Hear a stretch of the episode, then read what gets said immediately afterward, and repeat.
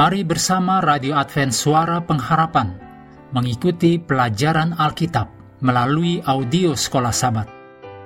Selanjutnya kita masuk untuk pelajaran Kamis 24 November dengan judul Jiwa-jiwa di bawah mesbah. Mari kita mulai dengan doa singkat yang didasarkan dari 1 Yohanes 5 ayat 11. Dan inilah kesaksian itu – Allah telah mengaruniakan hidup yang kekal kepada kita, dan hidup itu ada di dalam anaknya. Amin.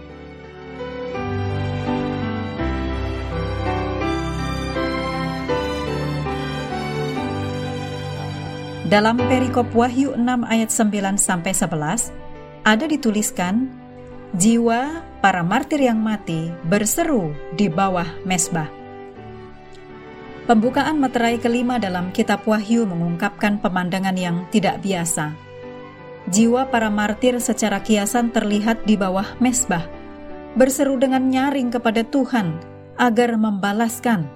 Demikian ditulis dalam Wahyu 6 ayat 9 sampai 11. Beberapa komentator cenderung mengidentifikasi mesbah ini sebagai mesbah pedupaan yang disebutkan pada dibukanya materai ketujuh dalam Wahyu 8 ayat 1 sampai 6 tetapi rujukan pada darah sebagai gantinya dupa dalam Wahyu 6 ayat 9 sampai 11 membawa kita untuk melihat di sini suatu kiasan ke mesbah korban bakaran di mana darah korban dicurahkan yang ditulis dalam Imamat 4 ayat 18, 30 dan 34. Sebagaimana darah korban-korban itu biasa dipercikan di sekeliling mesbah Demikian pula darah para martir secara simbolis dicurahkan di mesbah Tuhan pada saat mereka kehilangan nyawanya karena mereka tetap setia kepada firman Allah dan kesaksian Yesus.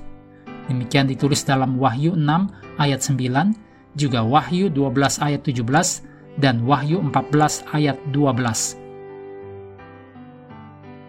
Jiwa di bawah mesbah juga adalah arti simbolis. Kalau ini dipahami secara harfiah, maka orang akan menyimpulkan bahwa para martir tidak sepenuhnya bahagia di surga, karena mereka masih berseru dengan keras agar darah mereka dibalaskan. Kesimpulan seperti ini tidak terdengar bahwa para martir menikmati upah keselamatan. Keinginan untuk pembalasan dapat membuat hidup sengsara juga penting untuk diingat bahwa Yohanes tidak diberi kayal tentang surga sebagaimana adanya. Berikut ini kutipan dari DSDA Bible Commentary Jilid 7, halaman 778. Tidak ada kuda putih, merah, hitam, atau pucat di sana dengan penunggangnya yang siap berperang Yesus tidak muncul di sana dalam bentuk anak domba yang berdarah akibat luka pisau. Keempat binatang itu tidak mewakili makhluk bersayap yang sebenarnya dari ciri-ciri binatang yang dicatat. Demikian juga tidak ada jiwa yang terbaring di dasar mesbah di surga. Seluruh adegan itu adalah pernyataan gambaran dan simbolis.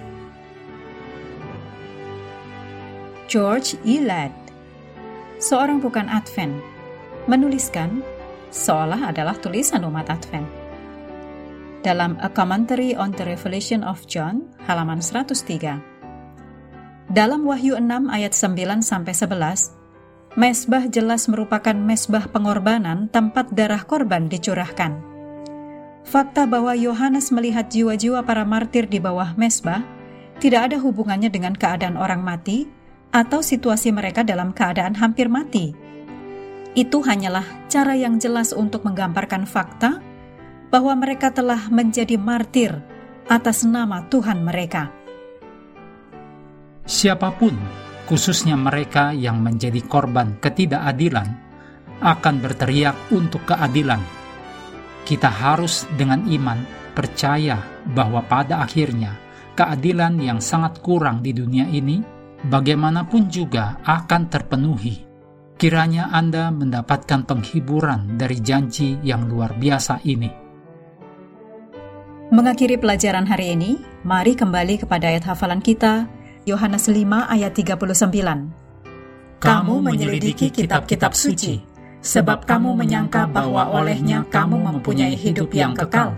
Tetapi walaupun kitab-kitab suci itu memberi kesaksian tentang aku, hendaklah kita terus tekun mengambil waktu bersekutu dengan Tuhan setiap hari, bersama dengan seluruh anggota keluarga, baik melalui renungan harian, pelajaran sekolah sahabat, juga bacaan Alkitab sedunia percayalah kepada nabi-nabinya, yang untuk hari ini melanjutkan dari dua Raja-Raja pasal 2. Tuhan memberkati kita semua.